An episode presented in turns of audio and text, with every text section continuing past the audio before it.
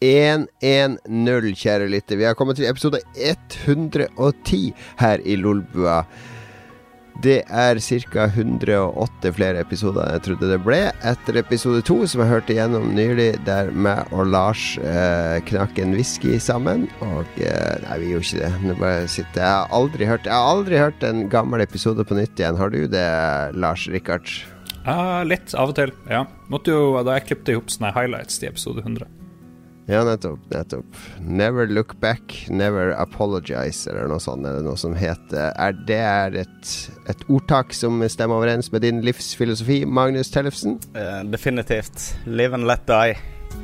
Legger det bak meg. Brente jords-taktikk. Live and Let Die, trodde jeg det het. At det var sånn uh, som med band og sånn, som skulle ta livet av seg på scenen. Nei da. Vi er tre glade menn. Eh, livet, sola skinner på livets glade gutter, har jeg hørt. Og det er ingen, ingen gutter som er gladere enn de tre guttene i Lolbua. Jon Cato heter jeg. Magnus og Lars har du nå blitt introdusert for. Vi sitter i hver vår krok, i hvert vårt rom, foran en skjerm. Eh, det er der vi trives aller best. Og det er det podkasten vår er dedikert til. Vi er en podkast om skjerm. Nærmere bestemt interaktive ting som foregår på en skjerm. Det dukker opp podkaster som Paddehatter, gutta. Har dere lagt merke til det? Ja, skal vi legge ned? Nå har vi gjort vårt.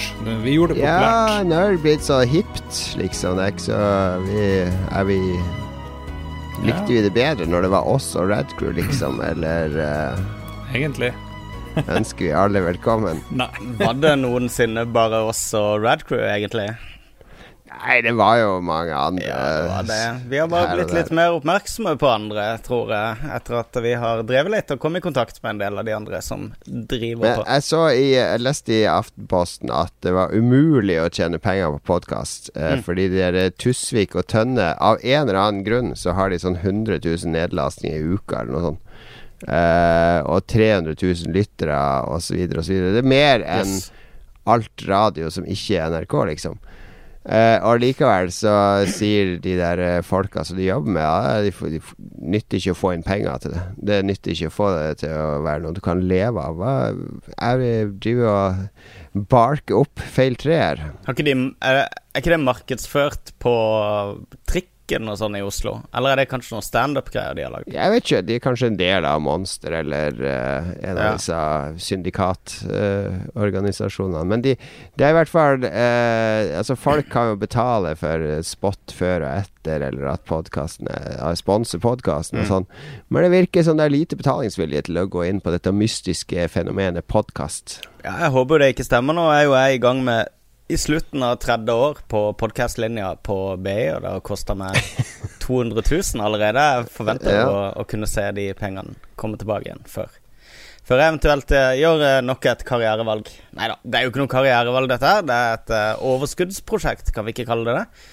På utagering Det her er jo min vei inn i NRK. Jeg trodde ja. det, det, var klarlagt for lenge siden. Det, det ARK, mener du? Ja. Det, det, er en to år lang audition, men det er ikke ja, ferdig. Vi, vi, kan godt, uh, hvis NRK ringer, så kan vi godt uh, tilpasse Lolbua til NRK. Ingen ja, problem med det. Mm. Null stress. Og hvis det er noen nynazister som vil ha podkast og sponse den, så er vi tilgjengelig der òg. Hvis det er penger i det. Vi tar vel imot alt. ja. Det er ja, Vi gjør det. Ja. Nei, velkommen skal du være, kjære lytter. Jeg var borte forrige uke, så som sagt, jeg hører aldri på gamle podkaster, så jeg driter en lang marsj i hva Magnus og Lars snakka om sist. Det var sikkert helt uinteressant. Eh, terningkast to, sier jeg, basert på iTunes-beskrivelsen. Eh, sorry, gutta. Jeg må, må være krass, krass og direkte. Ja, men ja, ja. Jeg, jeg skal høre på den på toget en gang. Jeg, jeg begynte å slutte å ta med meg hodetelefoner på toget. For jeg begynte å nyte stil. Jeg er kommet til den alderen nå at det å slippe å ha lyd i ørene er mye mer behagelig enn å ha lyd i ørene.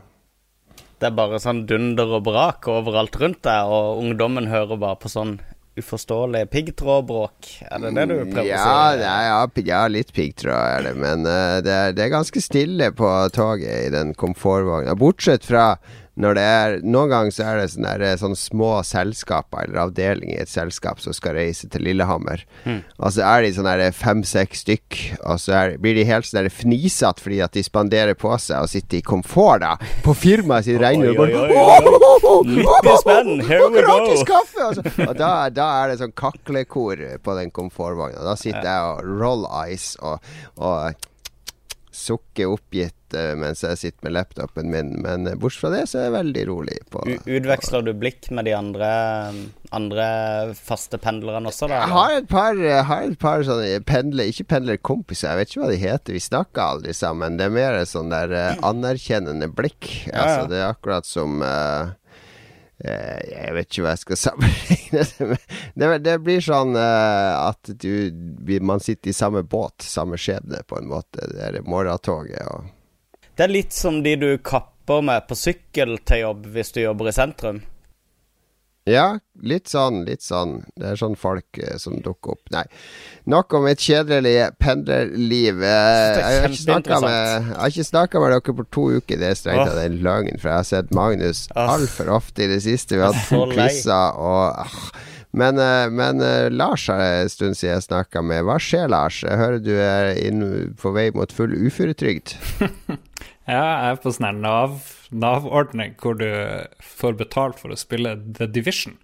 Det er en veldig bra ordning, jeg føler jeg. Så, men jeg, jeg er dessverre bare på sånn 50% Division-lønn. Stønad. Så, så jeg må jobbe 50% i tillegg. Så jeg jobber hjemmefra 50% spiller The Division 50 Du er 50 sjukmeldt pga. foten din, men du sitter jo bare på ræva i jobben din, da.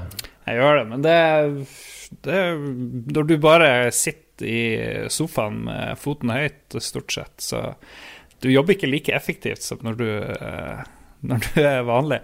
Det er sånn som legen min forklarte, det er ikke timer du jobber, det er sykemeldinga, det er arbeidsytelse eh, totalt. Så det, det er Jeg sånn har hørt at uh, du skriver halvparten av sakene dine med den ene foten til vanlig også.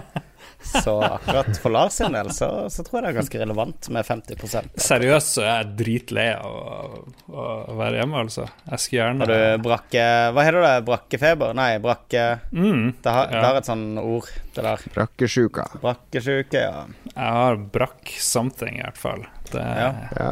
Har det skjedd noe spennende, da, bortsett fra at den foten din eh, plager deg? Min venn Jens Arthur kommer av og til, tar meg med ut på butikken, eh, kjører meg litt hit og dit. Får litt Fjordland. Støttekontakt. ja. så, så ja, moderen er i Syden og sånt, så det begynner å bli litt sånn rotete og støvete. Jeg kan ikke støvsuge med én fot. Det, jeg bruker, bruker to føtter for å støvsuge. Så jeg ser frem til at hun Fikk kommer du, hjem du fikk jo en ferie. støvsugerrobot i 30-årsgave, du. Jeg gjorde det. jeg gjorde det Men så ble det slåsskamp mellom min bror og eh, en av vennene våre, så den ble levna igjen i sneen, den roboten. Oh, ja, Det, stemmer det ble faktisk nesten slåsskamp mellom eh, ikke din bror, men han som skulle ta din bror, og Magnus i går. Men heldigvis var Magnus gått fra quizen, men der var det en som skulle kvele Magnus. Hæ? Oi. Hva var dette? Ja, nei, jeg kan, Vi kan gå rett over til meg hvis du ikke vil eh, fortsette, Lars. Det, det blir smooth Vi har jo ganske sånn delt fortid nå eh, denne runda, Jon Cato. Kan vi Ja, ikke vi si det? det. vi hadde jo spillquiz. Hadde to spillquizer siste på en uke, faktisk. Mm.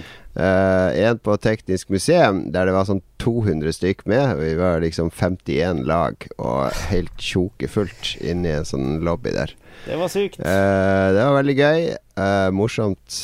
Takk for alle som kom der. Men så hadde vi vanlig quiz, vår vanlige spillquiz på Tilt nå på tirsdag. Der var det også tjokefullt.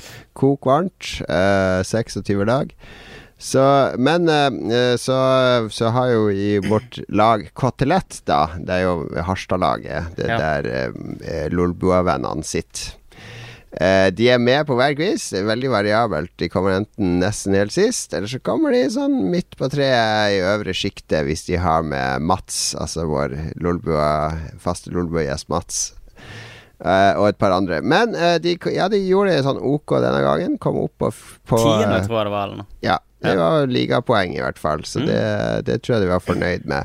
Bortsett fra én ting. Han ene som blir litt, kan bli litt hissig av og til når han er i rett humør. Han hang seg veldig opp i det var, Magnus hadde laget sånn skooppgave, da. Ja, riktig. Med skoen til Megaman, og skoen til Bajonetta og skoen til Rayman. Og han nekta for at den Rayman-skoen tilhørte Rayman, da. Det var bare tull. Det var noe Magnus hadde funnet på. Og så satt han på mobilen sin lettere bedugga og, og googla denne skoen, da. Og litt sånn Han slengte fra seg mobilen sånn der Jeg får ikke den skoen! Skal, hvis jeg ser den her, Magnus skal Ja, jeg kan, jeg kan vise han det bildet. Jeg klipper det ut fra. Det er ikke så mye Jeg verre fant det det. bildet. Det var jo sånn Deviant Art-bilde, så det er ikke offisiell sko. Så her Jo, jo, er det er den offisielle skoen, men det var bare en som hadde cleara det opp på DeviantArt, Ah, som jeg klippa det ut fra, som hadde det større format. Men så jeg kan der- vise hvilke bilder det er. Blodet kunne flyte der hvis, hvis Å, ja. det hadde vært uh, riktig der. For han der var Den skoen var han skikkelig hengt opp i. Det får vi ta neste gang. Det skal jeg vise han. Men uh, ja, bortsett fra det så har eh, det bare jobb, jobb, jobb, jobb, jobb og atter jobb på meg. Til og med loppekjøring har jeg begynt med nå. Det er den, det er den tida igjen der jeg kommer rett fra loppekjøring nå. Kanskje vi kan fortelle noe om den første quizen, hvor den eh, var hen, eh, Jon Cato? Ja, den var på Teknisk museum, har jeg allerede sagt. Ja, og eh, det var på spillutstilling som heter Ja, Game On, Game On 2.0 2.0. på Teknisk museum i Oslo. Besøk den, den er veldig kul. Det Ja. er masse kule spill her. diger retroutstilling. Eh, veldig mye å se på. Jeg har jo sett det aller meste, vi som har vært innom Spiderman opp gjennom tidene. Det var kult å se de der um, um, glassfiber, de der eh, veldig 70-talls eh, arkademaskinene som sto der, med sånne glinsende glassfiber. eh, Som ser ut som de passer inn på et uh, gult romskip. Mm. Og John Romero var der og prata. Ja, de, de lager jo sånne events der, så det skal være Mm. flere events. Jeg vet ikke om det er flere i vår, men i hvert fall til høsten skal det være, der det skjer ting. Og det var veldig kult, da, fordi uh, det var jo sånn 800 mennesker der oppe. Ja, de for forventa 800. Jeg tror det var mer. Ja, det var helt stappa der med folk som skulle se John Romero og drikke øl og være med på spillquiz. Og det var sånn demo det, Der skulle du ha vært, eh, Lars, for det var Vi gikk før det, da, men fra klokka ti til elleve så skulle det være sånn demodudes fra Andromeda og et annet Anna 80-tallsgruppe mm. som skulle vise 64 og Amiga-demoer, fortelle litt om demoscenen.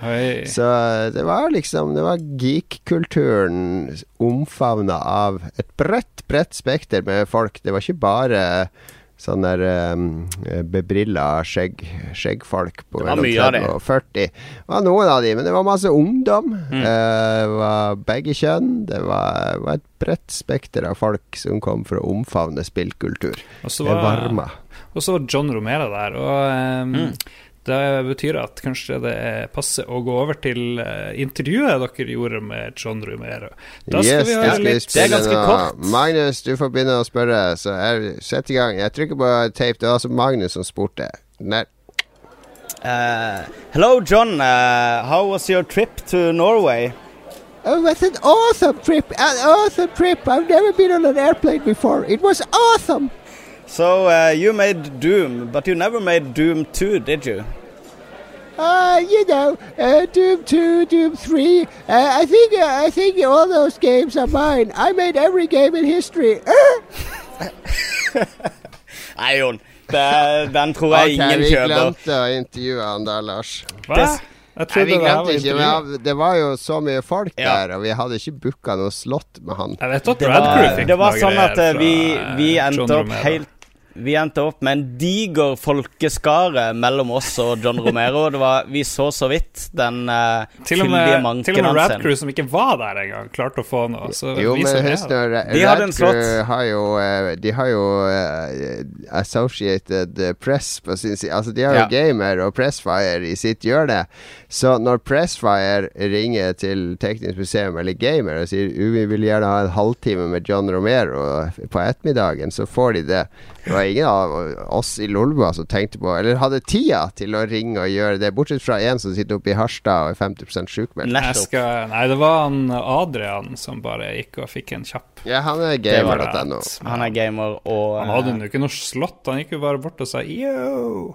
Yo, John. Ja, nei, Magnus og meg er så sjenert. Vi må ha deg. Du, Lars med en mikrofon i hånda, da får du soundbite fra hele Oslo. Yes. John, I heard you made Doom, but not Doom 2. Why the hell not? Og så videre. Hey, fuck you, fuck you! It's none of your business. Men jeg kan, det er en morsom historie. Det er en, eh, en eh, eh, Ikke kollega, hva heter det? Men det er, det er en annen spillutvikler som jeg kjenner, som kommer med et veldig kult spill i år. Eh, sånn soloprosjekt. Og han, han reiser mye rundt med det spillet sitt da, og jobber sånn 20 timer i døgnet, så han er Ting går litt på en snurr av og til. Og han har vært i USA, da på en messe eller på en sånn gathering med det spillet sitt, og så hadde John Romero kommet inn da. Og så hadde han vært sånn jetlagga og helt oppe i skyene, så han hadde bare fått det for seg at Og han visste jo at det var han Doom-duden, men at han heter Robert De Niro. Så han bare Oh, hey, Robert De Niro, great to meet you. Og så, How are you, Mr. De Niro? så det De er ligner jo på en prikk, de to.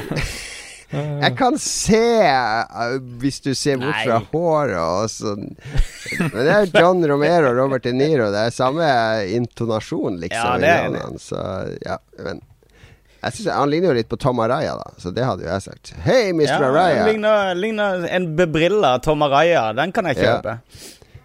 Yeah, fra sorry about Slayer. Hanneman, man. Men ehm, det ble Altså, det var tydelig at det, det var liksom første sånn store spillgreie de arrangerte på Teknisk museum. Uh, jeg tror de undervurderte uh, litt hvor mange som ville dukke opp på noe sånt.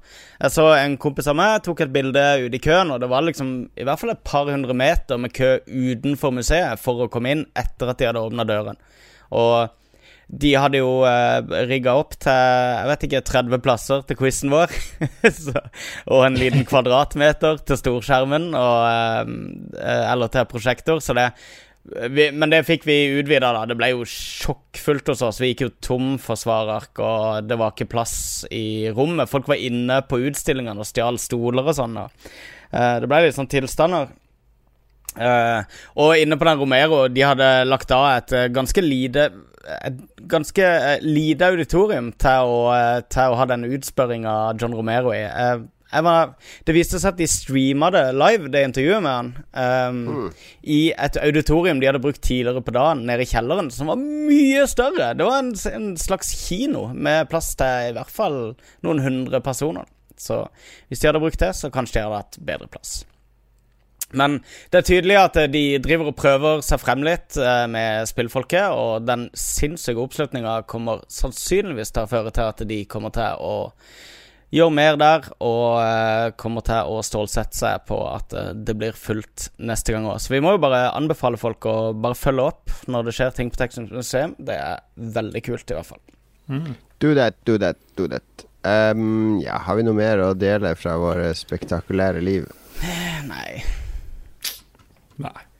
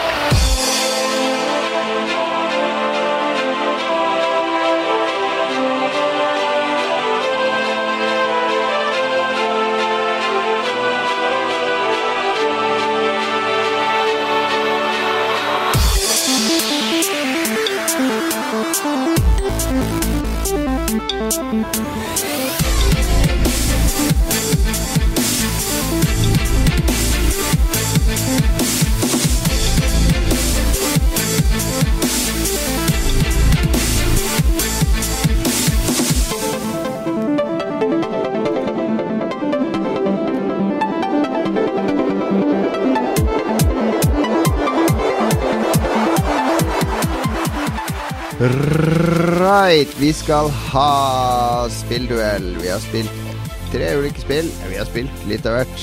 Men noen ville ha det til å bli en duell der, eller noe sånn. eh, Bare antyda på Facebook. Hva, hva skjedde der, Lars? Jeg spurte, spurte dere om hva vi skal ha sånn spørsmål eller tema til uka, så var det ingen av dere som sa noe. Så kom, spurte jeg Jostein, så sa han at mm, yeah. Ratchet og Dark Souls, det blir sånn lys mot mørke. Og Dere er jo litt filosofisk, yeah, så faktisk vi har, vi har sånn gjestetema denne gangen. Så jeg har spurt Mm. folk om hva de foretrekker. Litt sånn lyse og lette Ratchet og Clank, det nye som kommer, eller Dark Souls 3. For jeg vet at right. du har spilt litt Dark Souls, og jeg har spilt litt Ratchet, f.eks., så ja. Så kan vi prate litt om det, og hva du har spilt, og så kan vi snakke om hva lytterne syns. Ok, ja.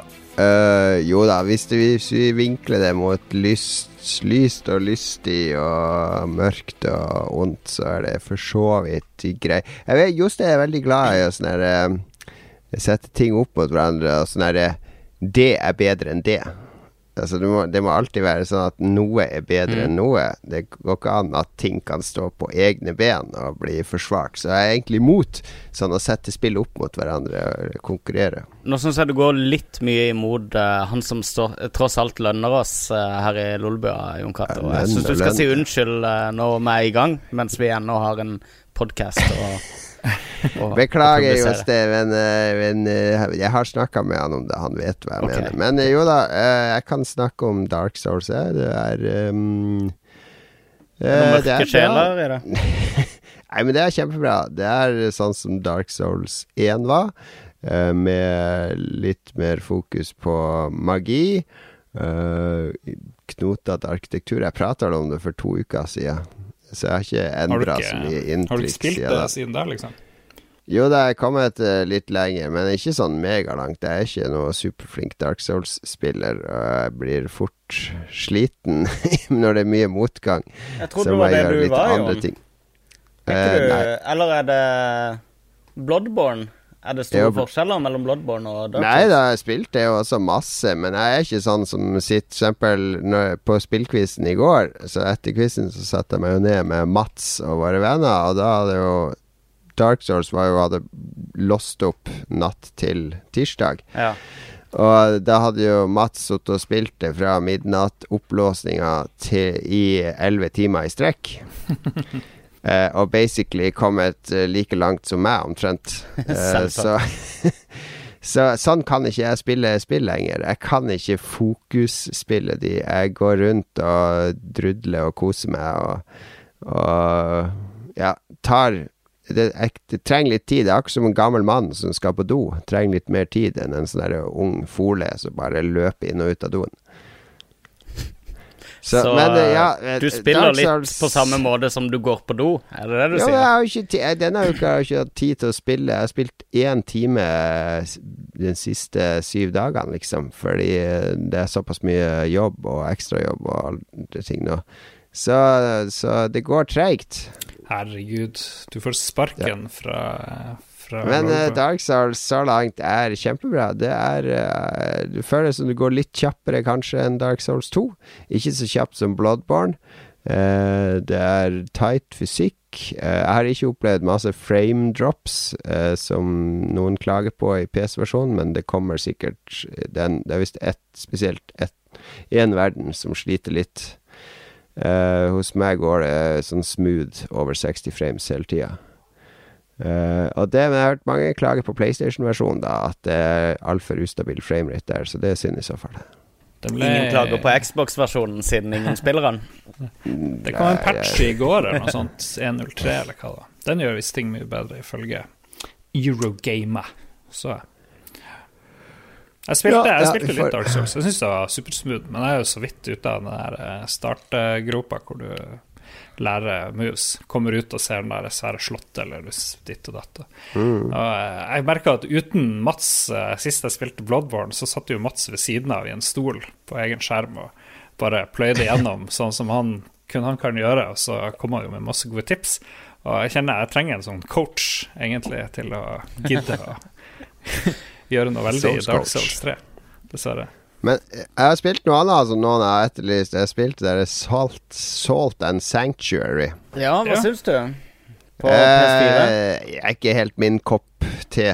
Litt for mye salt i den teen. Nei da. Det er eh, Jo, det er jo noen som har, som har bestemt seg for å lage en 2D Dark Souls, og det har de for så vidt fått til, fordi det er en sånn blåkopi helt ned til klassene du kan være, og våpnene du kan switche mellom, og statter brettene og leveling-systemet og Bonfires, eller Sanctuary, som det heter. Yes. Det er super blåkopi i 2D, som for så vidt funker. Og så minner det litt om Castlevania, men det har um, det har en sånn der uh, løs geléfysikk. Uh, jeg vet ikke helt hvordan jeg skal forklare det, men alle bevegelser er veldig sånn flytende. Floaty. Ja, ja veldig floaty. Og jeg, uh, jeg må ha I sånne type spill så vil jeg ha sånn Castlevania-tightness. Altså umiddelbar reaksjon, kjappe hopp, kjappe bevegelser. Jeg syns det er altfor floaty for min, min preferanse. Ja. Uh, pluss at i 2D-nivådesignet Det er grunnen til at Dark Souls 3D 2D-brettene er ikke så inspirert som de Dark Souls-brettene. Så jeg syns det er en kul idé. Kul, blek sånn visuell stil, men jeg etter halvannen time så så jeg tenkte at jeg har egentlig ikke lyst til å fortsette. Jeg orker ikke bruke så mye mer tid på det. Men all ære til de som liker det. Det ble for mørkt for deg. Det var forresten han Vegard Megaman Mudenia, vår venn, som har eh, tipsa oss veldig om Salt and Sanctuary.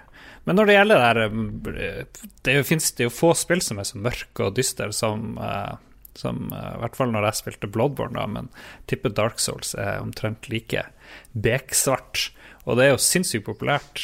Hva er det som gjør at det er så absurd? Det, det er så veldig mange som har lyst til å spille det. I hvert fall sånne hardcore-folk, i hvert fall.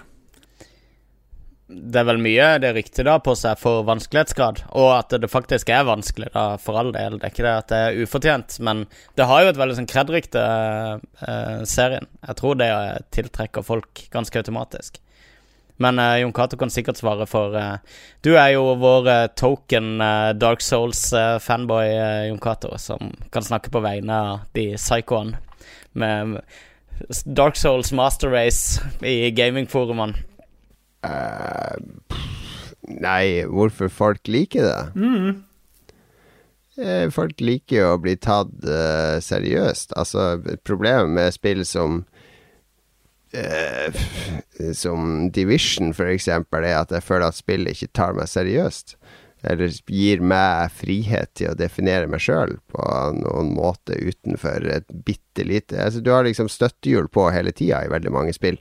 Eh, spillet skal hele tida hjelpe deg fram, og så spillutviklerne er livredd for at du ikke kan se alt innholdet du har laga. Altså, de blir veldig lineære og sånn, men sånn Dark Souls er det sånn her Det er den følelsen av at du gikk litt feil en gang, eller du oppdaga noe, og så oppdager du et svært område, og bare uh, Det føles som min oppdagelse. Det, det ingenting som blir blir ikke holdt i hånda, det blir stilt krav til deg, og du blir tatt seriøst. Det, det, det tror folk liker, at de blir behandla som en voksen person. Det kommer en veldig kul bok nå som jeg har bestilt, som er en Dark Souls-bok.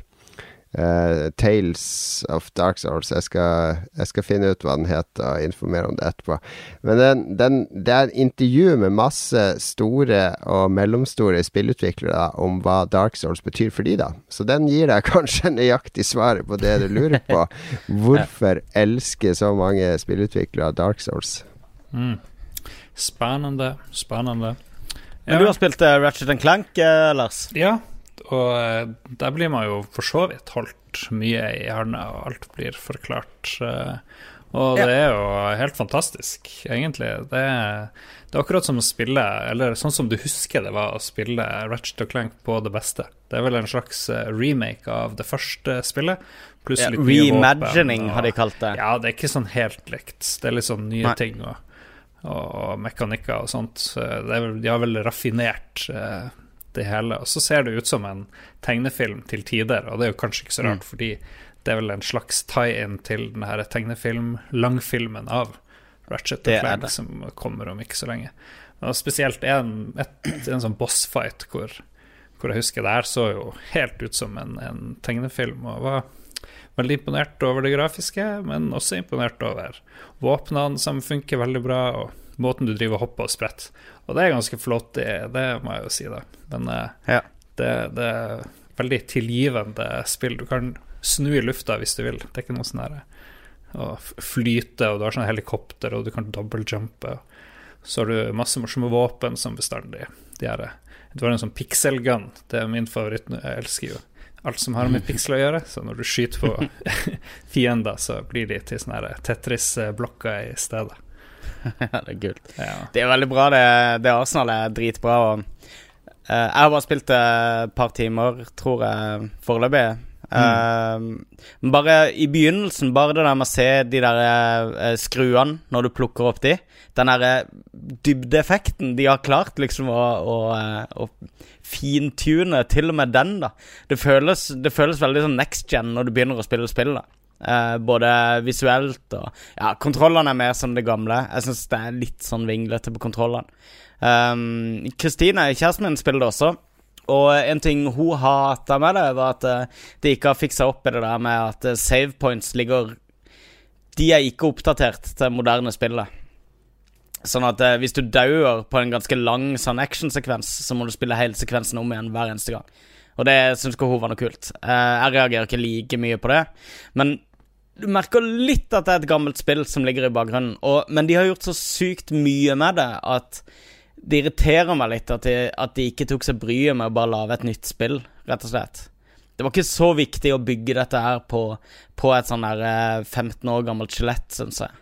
Uh, så det irriterte meg litt. Jeg synes når De der NPC-ene, eller de der figurene du møter i spillet Designet på de er ikke lenger så veldig, eller så veldig interessant, syns jeg. Det, det har liksom kommet mye lenger på akkurat det der, så eh, Men grafikken er jo ypperlig og alt sånt der. Det, det ser veldig bra ut, men det er bare ikke så det, det virker litt sånn old school da i, i designet. Det var det eneste jeg hadde å si på det. Jeg synes Bortsett fra det er det, er det knallmorsomt så langt. Men Er det ikke sånn at uh, originalen var 60 frames, og den her er 30 frames? Jo, jeg har hørt uh, akkurat det. Uh, men var det 60 frames på eh, PS2, originalen? Eh, Det var vår venn Jostein som påstod det, og vi får jo ikke lov å si han imot, så det Nei, så da var det det. Jeg tror faktisk det var 120 frames på, ja. på PlayStation 2. Ja, det kan hende. Uh, nei, men jeg vet da faen. Det virker veldig smooth. Om det er 30 frames, så er det jo mest stabile og smoothest 30 frames jeg har sett. Det føles som om det er 60 for min, min del, altså. Det gjør det. Jeg skulle, hvis jeg skulle hatt en remake av et uh, Ratchet Clank-spill Eller sånn, det, det som liksom har slått meg mest i bakken uh, av de Ratchet Clank-spillene, var det første som kom på PS3. Det var skikkelig sånn sjangerdefinerende for min del. Eller da det kom, det var noe helt nytt. Det, var, det slo meg ordentlig i bakken. Det spilte jeg mange, mange mange timer på. Det var det beste spillet på PlayStation 3 i, i hvert fall etter år, syns jeg. Har du fått han Mr. Zurkon, eh, Magnus? Nei, ikke ennå. Han er en sånn flygende assistent som du kan ha i Ja, tillegg til alle våpnene. Og han har bare de beste one-linerne. Jeg drev og flirte ledd høyt for meg sjøl i stua. Det er sånne her eh, Arnold Schwarzenegger-aktige quotes, bare enda verre, på et vis. Ja. God humor i det, og bra voice acting og kul storyoppbygning og alt sånt. Det har de vært veldig flinke på, syns jeg. Det føles litt som Skylanders, faktisk, eh, i uh, måten storyen blir fortalt på. Det er litt sånn som uh, videosekvensene i Skylanders, for de som har sett det. Og vi skal jo sette mørket opp mot uh, lyset. Jeg føler lyset vinner ja. gangen, for det er et spill som absolutt alle vil like, tror jeg. Mens det er kun de voksne som får lov å spille Dark Souls 3. Så er det, da stakk Ratchet Clank av med seieren. Over til neste punkt på programmet. Tull og tøys. Nå fant jeg ut den boka heter You Died. um, rett og slett. Eh, eh, you Died, uh, The Dark Souls Companion. Den er skrevet av Kisa MacDonald. Uh, hun hadde den første anmeldelsen av Demon Souls i Vesten. eh, for hun bodde i Japan da og prater japansk. Og det var det beste spillet hun hadde spilt i sitt liv. Og Jason Killingsworth, som har skrevet om Dark Souls og Souls i Edge i mange år. Så det er, eh, den er vel verdt å sjekke ut. Koster bare ti pund. Kan preordres nå. Kommer ut om en ukes tid. Anbefaler You died. Apropos bøker, så er det The Best Game in the World, eh, skrevet av eh, Tom Cruise. Det handler om Ratchet og Clank. Den kommer i salg i neste uke. Det er et sånt samarbeidsprosjekt mellom Donald Trump og Tom Cruise, er det ikke det? Ja, eller? det er. Ja. Ja. ja. Nei, gå og spill uh, toddlerspillet deres. Jeg du har spilt uh, Overwatch. Uh, ja, men jeg trenger ikke snakke så mye om det. Jeg Ja, snakka for- kan få masse om Overwatch Kan sist. slippe sånn rumpesplash uh, for tredje gang på rad? Ja, vi har bare hatt Jeg vet at du er sånn assman, men, uh, men nå, nå holder det. Overhodet ikke, Jon Cato. Eh, men vi er ferdig med å snakke om uh, Overwatch, og vi er i hvert okay, fall er- ferdig er med den sånn, eh, Vil det si da at, at du er en tit, titsman i stedet for en assman? Eh, jeg vet ikke om jeg har lyst til å diskutere dette med deg på, eh, på Ja, lufta du sa at du overhodet ikke var en assman. Hvis du er verken ass eller titsman, da Nei, du vet overhodet ikke hvorvidt jeg er en assman. Var heller min kommentar der. Jeg føler jeg har politikerprata meg ut nok av det, den. ja, nå ble, nå ble det Nå ble, fikk han tunge, tungesnurr her. Ikke så gøy. Du, du tør å si det, Lars. Hva er det? Tits eller ass? Det vek veksler. Jeg klarer ikke å bestemme meg. Så jeg har sett eh, Jeg vet ikke helt. Ja, det mm, det, det er ikke lett å si. Jeg kan Men være kan begge vi ha en deler. podkast om spill og sånn? Jeg kan nevne men jeg, jeg har ikke noe imot å si det, men jeg er veldig confused. Jeg tenkte på det da vi hadde den der eh, Overwatch-praten. Var jeg egentlig en eh, For det der ah, ja. Tracer-rumpa var jo veldig fin, da. Det var jo Hmm. helt OK, den. Ja. Så gud vet. Ok, ja takk, begge deler, sier Ole Brumm. Du skal slippe å være på pinebenken, Magnus. Fortell oss om dette spektakulære Moba-skytespillet Overwatch, eller hva det er for noe. Nei, som sagt, du som ikke var der i forrige episode Vi prata ekstremt mye om Overwatch i forrige episode. Det har ikke skjedd så mye siden sist. Jo, jeg kan si en ting som har skjedd siden sist. jeg gikk ikke glipp av noe, med andre ord. Nei, det gjorde du ikke. Uh, men uh, det som har skjedd siden sist, er at jeg har spilt en del på competitive mode. Som er en sånn her eh, Det er en sånn modus i spillet de nettopp har uh, hevet inn i uh, betaen. Hvor du liksom går inn hvor du får XP og liksom leveler opp, litt som i Heartstone, når du spiller i sånn ranked mode. Eh, og der, når du kommer over et visst nivå, så, så mister du XP når du taper kamper da med laget ditt. Og her så spiller du lag, så det at du avhenger jo av gode folk på laget ditt for å levele opp. Uh, det holder ikke at bare du er god. Og det fører jo til at uh, miljøet der har jo blitt super toxic. Så hvis du ikke spiller ditt beste, så må du være forberedt på å ta ekstremt mye verbal juling fra eh, fremmede som tilfeldigvis har blitt eh, paira opp med det i et par kamper. Så eh, det er en ting som har vært litt sånn skuffende, for det hele, hele Overwatch har Det er veldig designa rundt det der med å backe hverandre opp, og med pos, eh, sånn positivt fokus da med at du kan ikke se statsene til de andre, du kan kun se dine egne stats, og i slutten av kampene så trekker de frem den beste liksom kill-sekvensen, viser replay av det, og trekker frem fire spillere som har utmerka seg positivt, da, som du kan stemme opp. Ingenting stemmer ned, ingenting uh, se hvem som var den dårligste på laget, eller noen ting. Ikke sant? Så det er veldig sånn positivt fokus, hvor det handler om liksom å hedre de gode, og, eh, og eh, liksom dra med seg de dårlige, da. Eh, men uh, i, det, i det plutselig de uh, elitefolka begynte å avhenge på andre spillere for å få XP, så forsvant jo den gode stemninga. Så nå er det blitt ganske, ganske surt uh, i competitive. Men løsninga er selvfølgelig bare å ikke spille competitive i Overwatch. Jeg håper Blizzard i hvert fall tar tak i det.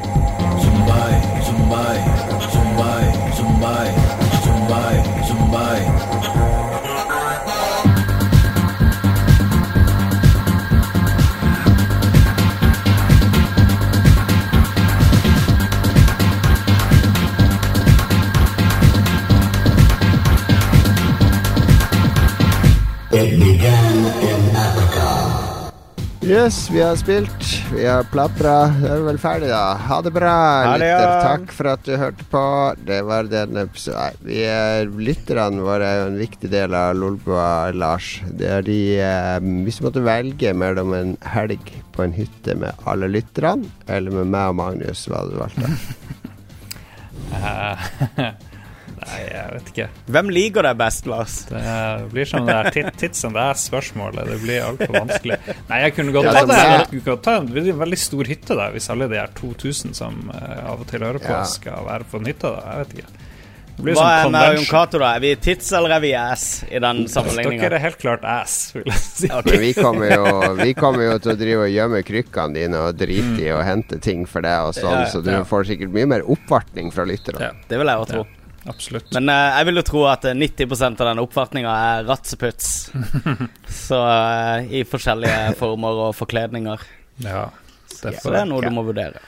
får bare hive seg i rullestol med en gang. Ja, nei, men uh... Yes, vi har fått inn masse lytterspørsmål, både rundt uh, det her lys- og mørke-temaet, uh, Ja. og, og litt andre spørsmål. Så det er bare å begynne på start. Rull tekst. Rulletekst, hva det betyr. ok, Rulletekst.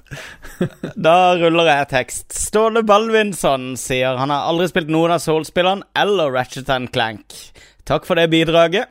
Kan man begynne rett på begge, eller er det fordel å spille noen av de tidligere spillene først?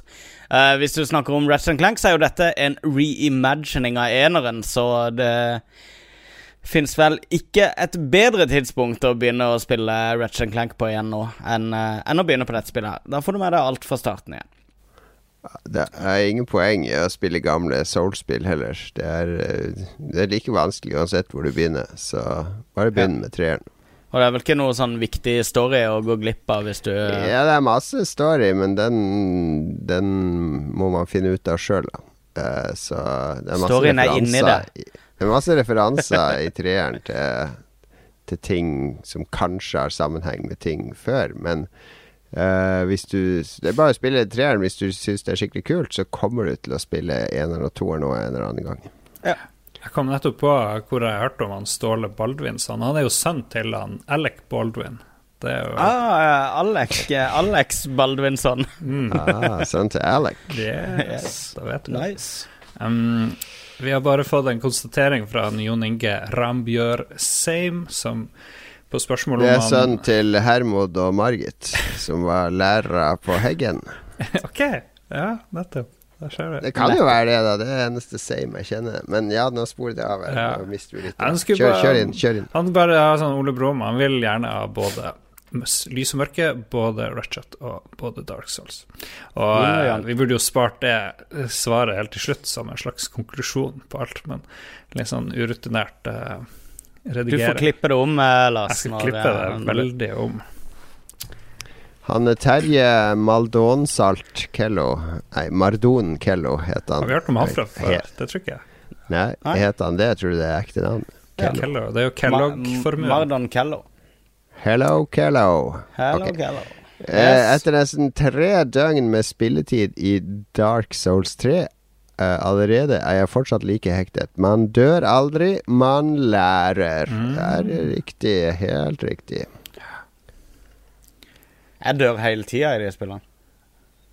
Ja, men det er, du dør jo ikke. Ja, du kommer tilbake. Okay. Det, så det, egentlig så burde den der eh, remaken av toren hete Prepare to Learn Edition. Den der PC-versjonen. Eller når du dør, så skulle det heller stått You You, learned." learned i stedet for You died. Yes. Eh, Vegard Megaman Vudenia eh, sier brutale spill. Elsker det. Enter the Gungeon. Brutalt vanskelig, men fy faen så artig. Uttrykksikonet ai, ai, ro ned, ro ned Ja, ja. Jeg håper du blipper dette i miksen, eh, Lars. Uh, ok. Eh, han spør om vi har prøvd eh, det. Enter the Gungeon. Om ikke, gjør det. Eh, Dark Souls 3 sier seg selv at man spiller, så goodbye life. Ja, det er jo Goodbye life. hello learning. Hello, learning. Hva er det Gungeon? Jeg så det var på PS4, blant annet. Enter the Eh, Gungeon. Det er sånn Devolver digital uh, publisha spill, så Mm. uh, det er sikkert litt morsomt. Sikkert retro. Veldig retro, må vi gjette. Ja, Megaman Mudeni er glad i retro. Ja. Han heter jo strengt tatt Vegard Men, eh, Megaman. Ja, så- apropos blipe ut, eh, det har jeg glemt å fortelle. Jeg var i, eh, på eh, GDC, så vi var chilla i leiligheta en gang. Så det var sånn live fra South by Southwest-scenene, da. eh, som jo liksom er veldig hipp musikkfestival med masse new up and coming band. Det var liksom fire låter fra hvert band, så bytta de til naboscenen. Da var det, sto det klart et nytt band med fire låter. Så jeg hørte masse bra ny musikk, da. Så kom, men så kom det sånn rapper på, da, på den ene scenen. Og det var jo live, da, men tydeligvis med sånn fem sekunders delay. Fordi han banna så mye, og det her var jo MTV som sendte live. Og det var På noen av låtene ikke an å, å skjønne takta i låten engang. Fordi det var bare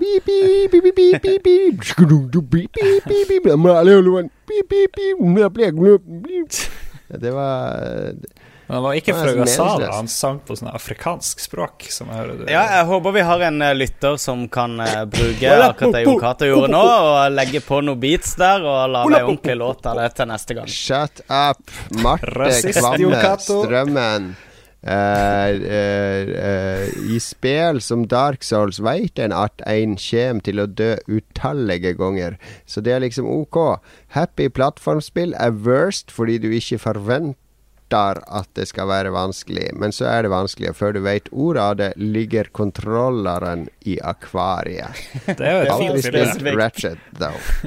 Jeg synes, Det eh, tror ja. jeg er knytta til et spesifikt minne Marte har, med tanke på at det var et akvarium inne i bildet. Jeg føler Ja. det må være splashen. eh, Du må Ja, bare sette i gang. mulig, mye mulig. Det fikser du vel. Du får vel tak i et akvarium og en kontroller. Ja, Ja, Da men må jo først kjøpe et å- akvarium på Lolbua si, uh, sin konto. det, det er mye i det å si, da. Fordi hvis du setter deg og spiller Dark Souls, så vet du hva du går til, på en måte. Du stålsetter deg litt, Mm. du skjerper sansene og sånn. Men hvis du setter deg og spiller Ratchet, så legger du deg godt tilbake i sofaen og skal kose deg i fargerike verdener med tusenvis av muttere som sk- klinger og skramle og danse rundt på skjermen. Åh, det er givende Eh, akkurat det der.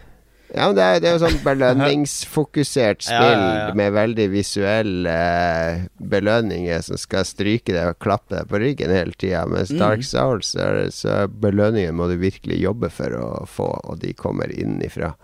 Så, så det har med forventning å gjøre. Jeg ser den. Kommer innifra. Jesus Christ. det er, det er learning. vet du. Du lærer noe. Learning. Ja. You learned. Learning. You learned, uh, Marte. Prepare to learn. Ja, bra. Erling Rostvåg, vår uh, bitre ja, rival og det, eh, det, Har du screena den? Det kan være reklame for Spillmatic. Uh, Ja, nå sørger du i hvert fall for at det ble det, Jon. Det er um, Erling Rosvåg, altså, som stilte opp i episode 100 for å freestyle-battle med Nei, nå må ikke du røpe det. det var, folk tror at det var At han bare kom og krasja det. Nå Jeg har fremdeles ikke sagt at han ikke gjorde det, Jon Cato. Jeg sa han Ok, okay. stilte opp og battle-rappa oss, men eh, takk for at du tok lufta ut av den nå. Her er det mye å mikse i dag. eh. Her må det redigeres en del, Lars, tror jeg. Det er post. Det er post. Det blir det post. Erling sier Ja. i hvert fall.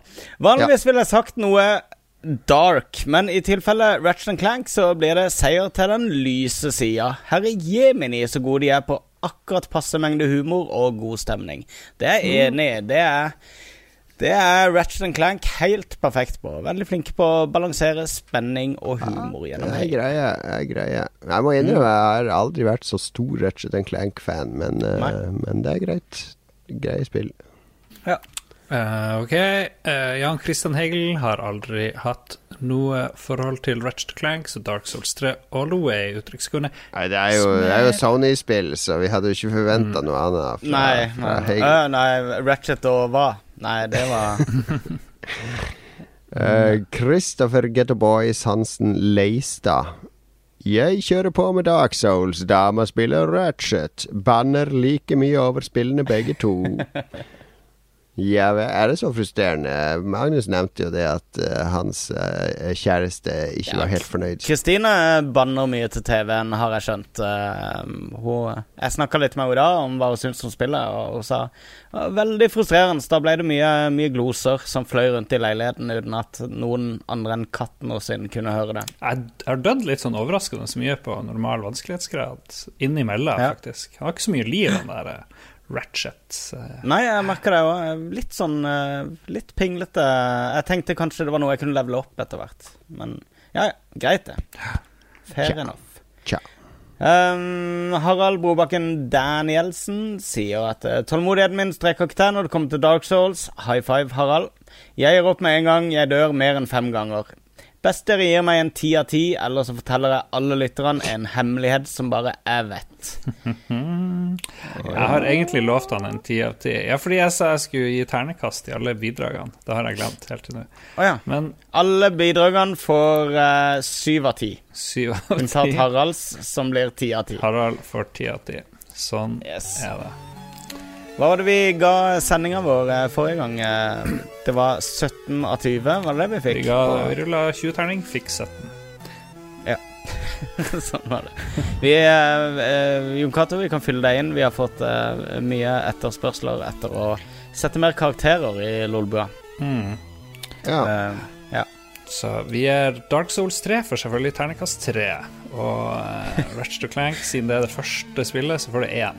Sånn yes, går det. sånn er det. Så én av 100 til Ratchan Clank, mens det ble tre av fire til Dark Souls 3. Så det er jo en ganske bra Back, score. back on track, gutta. Vi spiller litt musikk, og så skal vi komme tilbake til noen flere lytterspørsmål som ikke bare tar stilling til Dark Souls versus ROC.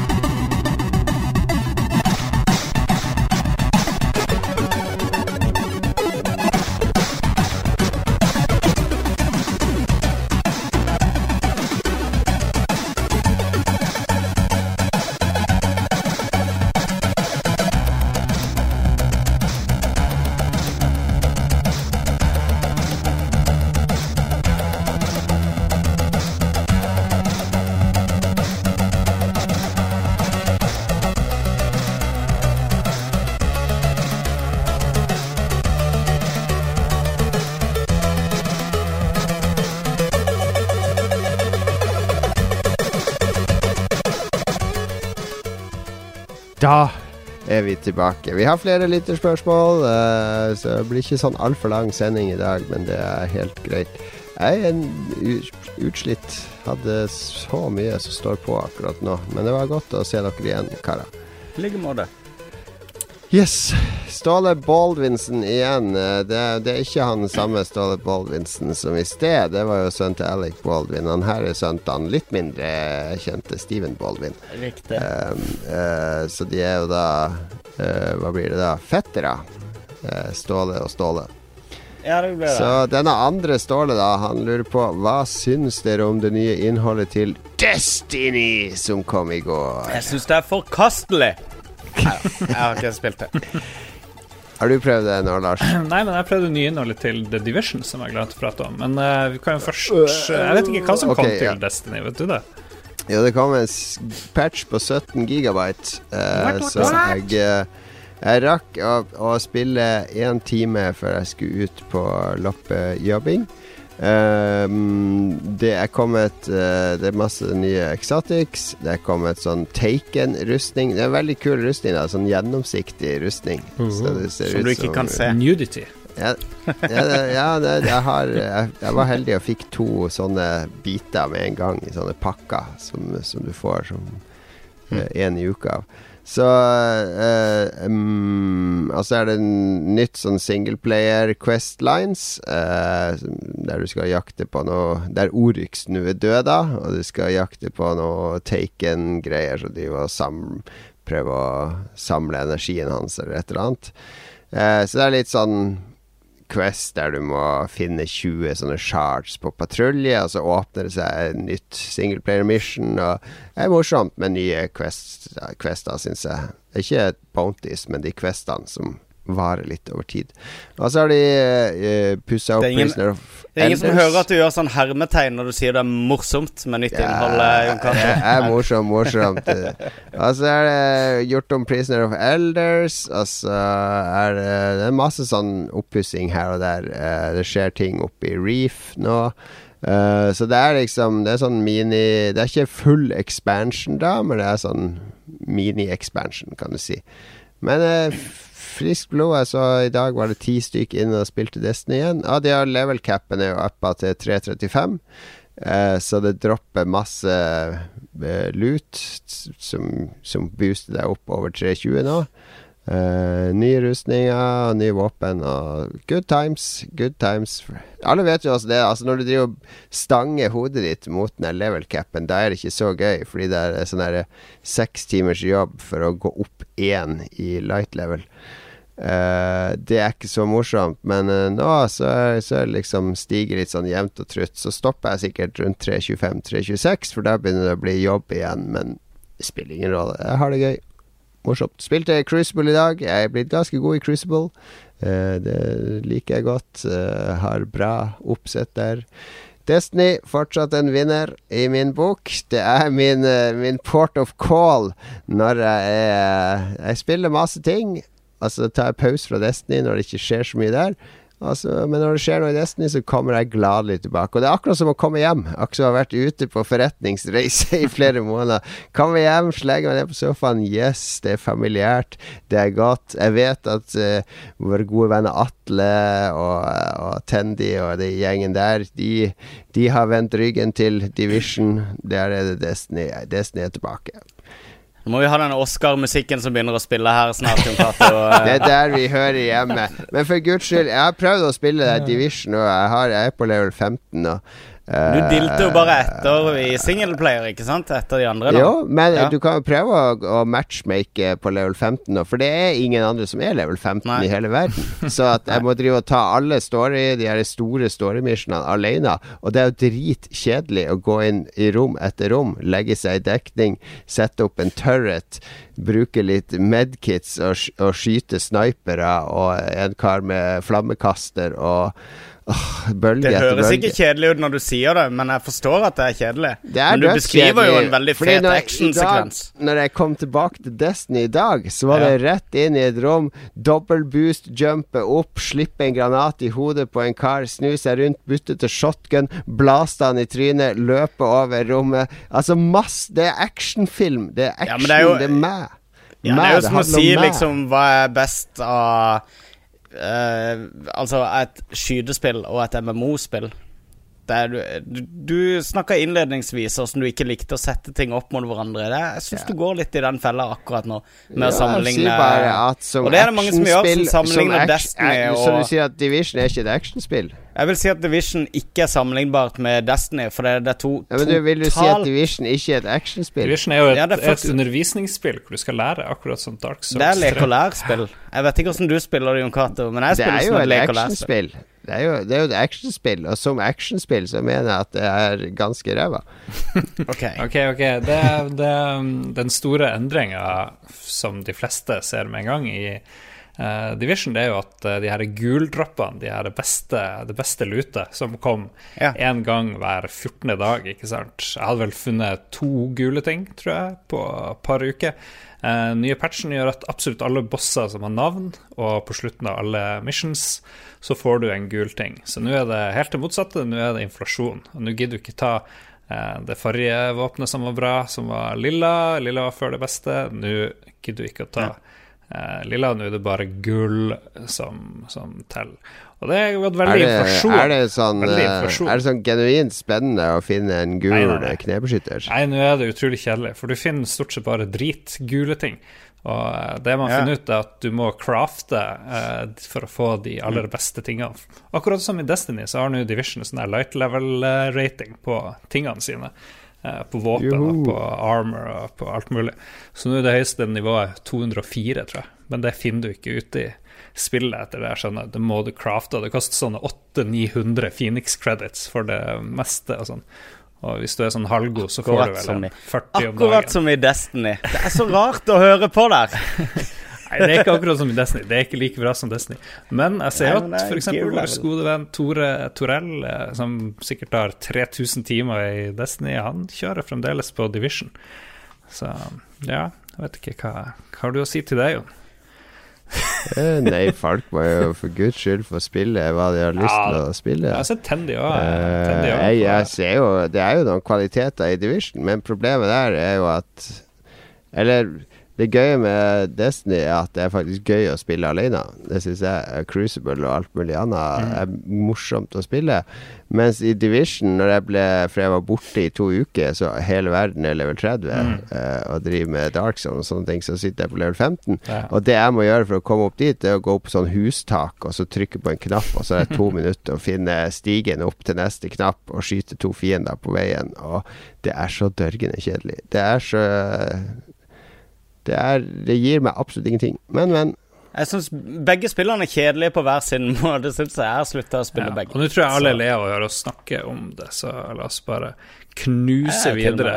Den kom i går for min del, den her nye patchen, så jeg har ikke fått spilt så veldig mye, men det, det er blitt gøy å spille igjen, og så har det også Men blitt litt åssen var. Det skulle jo komme sånne raid, Mm. de der incursions, som, eh, som jeg hørte var et rom der det kommer 15 bølger med fiender, Ja. og så var det over. Det er en sånn horde mode-greie. Det er det. Det er ikke så veldig kult. Spilte det i dag, prøvde det første gang. Døde veldig fort med en gang, så litt sånn dårlig taktikk. Hm. Så får du kanskje sånn halvgreit utstyr på slutten, akkurat som raidene. Men det, det der incursions det er jo ikke et raid i det hele tatt. Det er jo bare en sånn inn i et stort rom. Det var folk som har lurt seg sjøl. stresstest av team, eh, teamtaktikk. Mm. Er det ikke det? Ja da, så du må bli veldig flink, og du må fordele roller, og du må styre på. Så den gruppa jeg spilte med, var ikke helt forberedt på, på det der, så vi måtte bare gi opp. Ble ikke enige om taktikk engang, og sånt. Alle gikk og gjorde forskjellige ting, virka det som. Det er alltid stas. Ja. Ok, nok, eh, nok om Destiny og Division. Eh, Rolf Helge Øvergård Ingebrigtsen sier dere har sikkert nok tema å prate om, men hva er best? Ja. Mørbra eller T-bone? Uttrykksikonet grin. Jeg holder en knapp på T-bone. Er det noen som er, som er sterkt uenig med meg der? Eh, Eh, Jeg vet ikke hva mørbra er for noe. Hva er det for noe? Eh, Men bare litt, eh, litt sånn magert kjøttstykke fra, fra storfe. jeg, jeg kan ikke nok til å si Utrolig kjedelig. Ja, det. det er eh, på Jensens Bøffhus, uh, Oslos dårligste grillrestaurant, som ligger ved siden av Stortinget. Der uh, skryter de at de bruker mørbrad, for det, det, er så, eh, det er så lite fett i det. Så det, det er magert. Så, og det smaker jo følgelig ingenting. Så eh, nei, klar knapp på eh, T-bone. All right. Greit. Jeg, jeg får si meg enig med, med Mr. Uh, Gourmetkokk. Skal vi se Marte Kvamme T-Bone, er ikke Strømmen det en som eh, rapper som heter T-Bone? Nei, T-Pain. Eh, T-Pain er det, ja. T-Pain. Oh er my det, ja. god. Er T-Bone er, er garantert navnet på 50 fiktive rappere, vil jeg tro. Um, Marte Kvamme Strømmen sier 'crafting'. Ja. Bjarte Roshaug sier uh, Hvorfor sier Marte Kvamme Strømmen crafting, Lars? 'crafting', Jeg, vet Lars? ikke, jeg prøvde å få det til utdypet utdype, men uh, vi, vi bør Det er bare om en sånn, crafting. sånn shout-out. Crafting! crafting. Det er sånn nytt, kult band. Uh, ja. Ifølge Wikipedia så er han René Francisco Sotomayor en uh, kristen uh, kristen rapper med stage name T-Bone. Så Nice. der har vi eh, Vi var ferdig med T-Bone, var det sånn? Ja, kristen rapper. Jeg sa jo det. Fiktive rappere, gjorde jeg ikke det? det er, de er likestilt.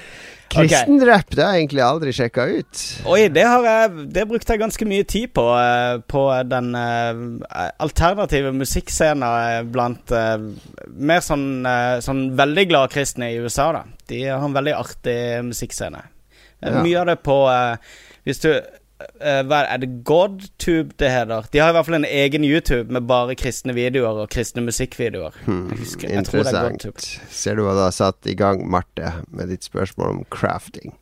Bjarte Rossehaug, Jon Cato, hva sier han? Bjarte, Rossehaug, Hva er synet deres på at konsoller kommer med oppgraderte versjoner, jf. PS4-5? Blir 4,5. konsollpoenget litt borte da? Levetida blir jo på en måte korta litt ned, i alle fall for oss med vanlig PS4 og Xbox One. Da kan en like så godt ty til PC og heller kjøpe nytt grafikkort når det trengs, oss eh, bortetter.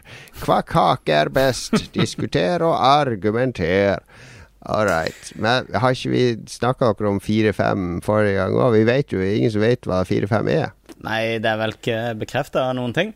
Jeg, min, jeg tror det er en uh, PlayStation 4K, det tror jeg sa sist òg. Ja. Og ok, oh, wow, da kan vi spille spill i 4K. Nei, du kan se 4K-film. Nettopp. Punktum. Det er Og så er det jo folk som spekulerer på om de kommer til å inkludere den der ekstra hardwaren som er nødvendig for å drifte uh, PS, uh, PlayStation VR.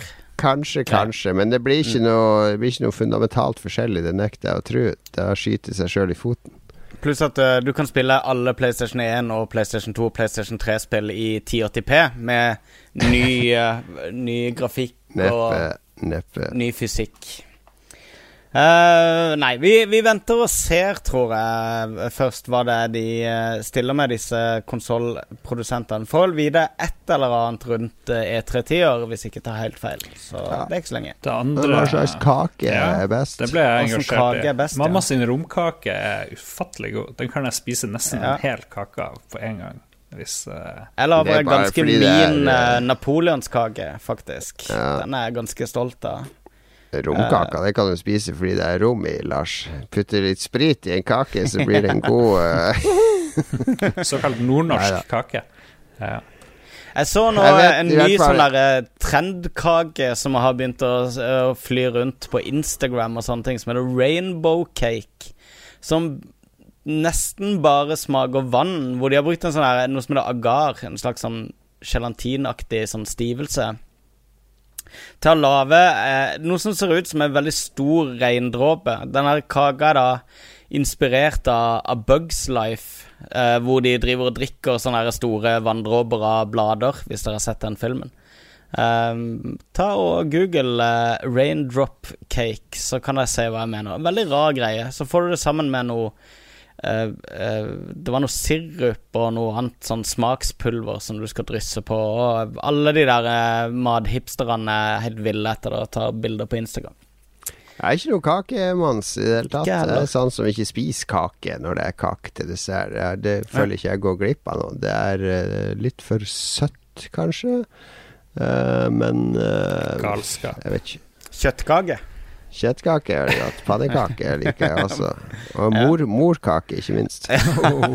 Kukake. Kukake. Ok, ok. Uh, nei, ja, ja, men jeg skal klare å finne en kake Nei.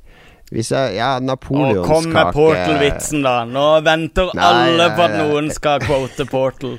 Så åpenbar er jeg ikke Nei, napoleonkake er faktisk litt godt. Ja, men det det. da Jeg klarer ikke mer enn en halven hvis du kjøper Nei. en sånn helt stykke på bakeriet. Holder på å spy etter et halvt stykke. De første bitene Å, kjempegodt. Krem Mm. og greier. Og så bare. Herregud. Er- Nei, kake er ikke godt. Styr unna kake. Skal vi ta Jan Christian von Helvete, Ja. som har siste eh, beskjed her. Do it. Hegel. Eh, Lars, har du lyst til å lese den høyt? Jan Christian Hegel sier Har vært i avisene nyhetene at flere skoler skal ha koding som valgfag. Hvor viktig er det her, og hva synes dere om det? Uttrykkskode smile. Og jeg husker jo det var jo valgfag koding da jeg gikk på videregående for 30 000 år siden. Så eh, Hm. men, eh, Og det var sønnen til Oluf som var min lærer, faktisk. Den ekte sønnen, ikke han Lars. Snakka han akkurat som Oluf? Når det, var det sånn han lærte vekk ting? Nei, og han var ikke sånn superhumoristisk heller. Det var jo et stort sjokk, egentlig, at han ikke drev og bare lo og gapskratta og hadde sånn eh, fisk med i klasserommet og sånne ting. Det, Jeg ser for meg at alle oppe i Harstad er sånn som Oluf. At det er sånn, et sånn samfunn av Olufer. det, Er veldig, det ganske det er veldig rart, fordi alle er sånn, bortsett fra sønnen til Oluf. Men du vet, du blir alltid litt sånn annerledes enn foreldrene dine. Det er en sånn kjensgjerning. Kanskje det var han sånn rebell, da, å ikke være som Oluf da han vokste opp. det var nok noe sånt. OK, koding i, i var, Koding som valgfag. Er det Jeg vet ikke hvor viktig det er. er valgfag Det er jo bra hvis, hvis noen er interessert i det, og det bidrar til å få mer interesse for det. Er det jo helt topp.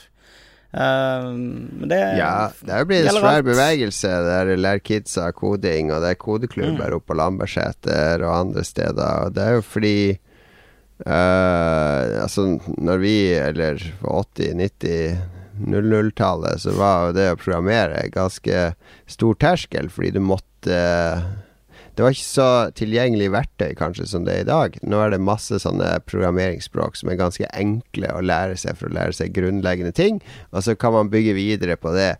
Og noen av de kodeklubbene de driver og lager Minecraft-mods og andre Ja. ting, så de er blitt ganske avanserte. Så jeg men Det er jo ingen ulempe med å kunne programmere. Det handler jo om struktur og logikk og, og masse andre ting. Så for all del, alt som kan stimulere barna til å lære seg det, kjør på. Bra. Jeg har tenkt på um, et annet sånn valgfag som kan være Som kanskje er betraktelig mer nyttig når du blir litt eldre. Det er at du kunne hatt valgfag i faking. eh, hvor du lærer å, å skrøne på deg ting i jobbintervjuer og stort sett i sosiale lag. eh, gi deg ut for å ha litt mer peiling på ting enn enn du egentlig har. Det, det savner jeg i skolen. Vi har fått et eh, ekstra spørsmål helt på tampen til Magnus. Hvor ligger brettspillbutikk i Kristiansand, og er det noe bra der? Kanskje eh, Glenn Tore Svenningsen Kanskje han skal til, eh, til Kristiansand?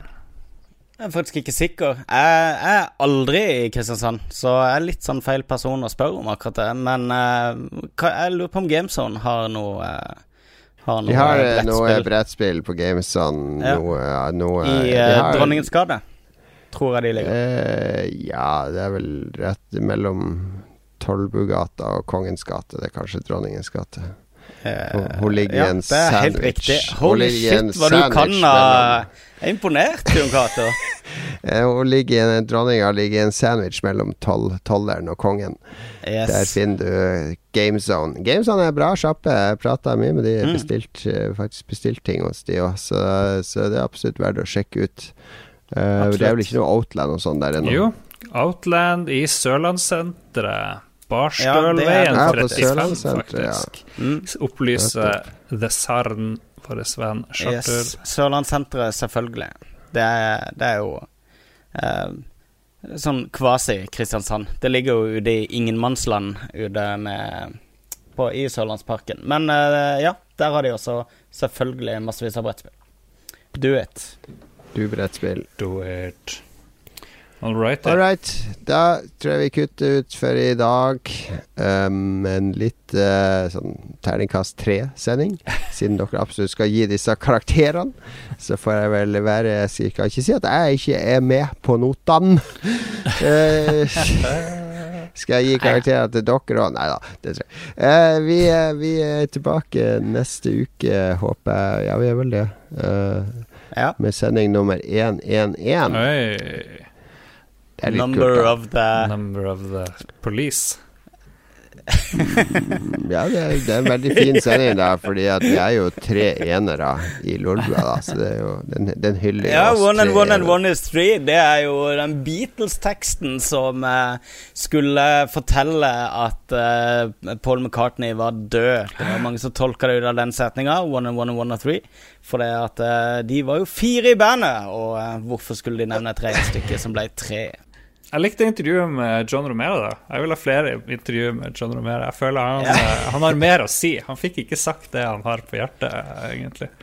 Føler jeg. Ja, han har kanskje Mye det, mulig. men det der, der tok, jeg- det tok jeg Magnus langt ut av komfortsonen hans med noe sånn semi-rollespill. Selv om han bare skulle spille seg sjøl.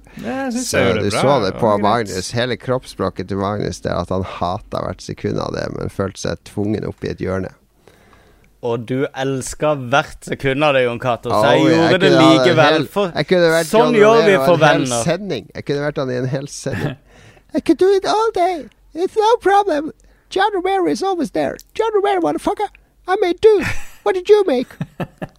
Nei, men takk for at dere hørte på. Vi lover en bedre sending neste gang. Nei, jeg lover uh, ingenting. Jeg drar, jeg drar Jeg revurderer mitt terningkast. Terningkast to til denne sendinga. Kanskje en av våre uh, Hva slags terning kaster du da, Jon Cato? Ja, det er 20-terningen. Alltid Det er 20? 20-terningen i, i det. Ja. All right. Takk for oss. Takk for Det blir mye eh, klipping her, så jeg bare det, Jeg skal fjerne masse av det driten her. Takk for oss, og beklager. Uh, vi, håper du, vi håper vi ikke har skremt deg bort fra å sjekke oss ut neste uke. Vi lover en sterk forbedring. Jeg skal til og med forberede nå. Og vi lover at uh, vår nye venn John Romero er tilbake. Yeah, gotta be back! Gotta be back for 111. Uh, not 911. One... Ja, nå ble det, nå ble det sånn, sånn tullestemme. Ok, vi, eh, vi gir oss. Ha det bra. Ha det. ha det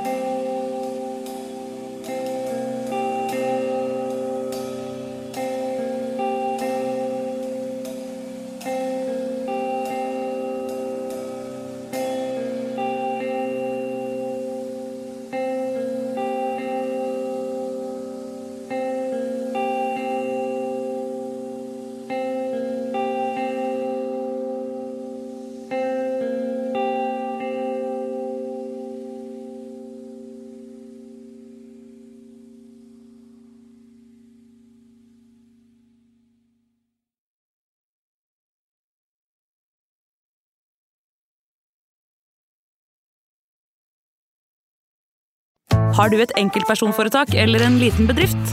Da er du sikkert lei av å høre meg snakke om hvor enkelt det er med kvitteringer og bilag i fiken, så vi eh, gir oss her, vi. Fordi vi liker enkelt. Fiken superenkelt regnskap.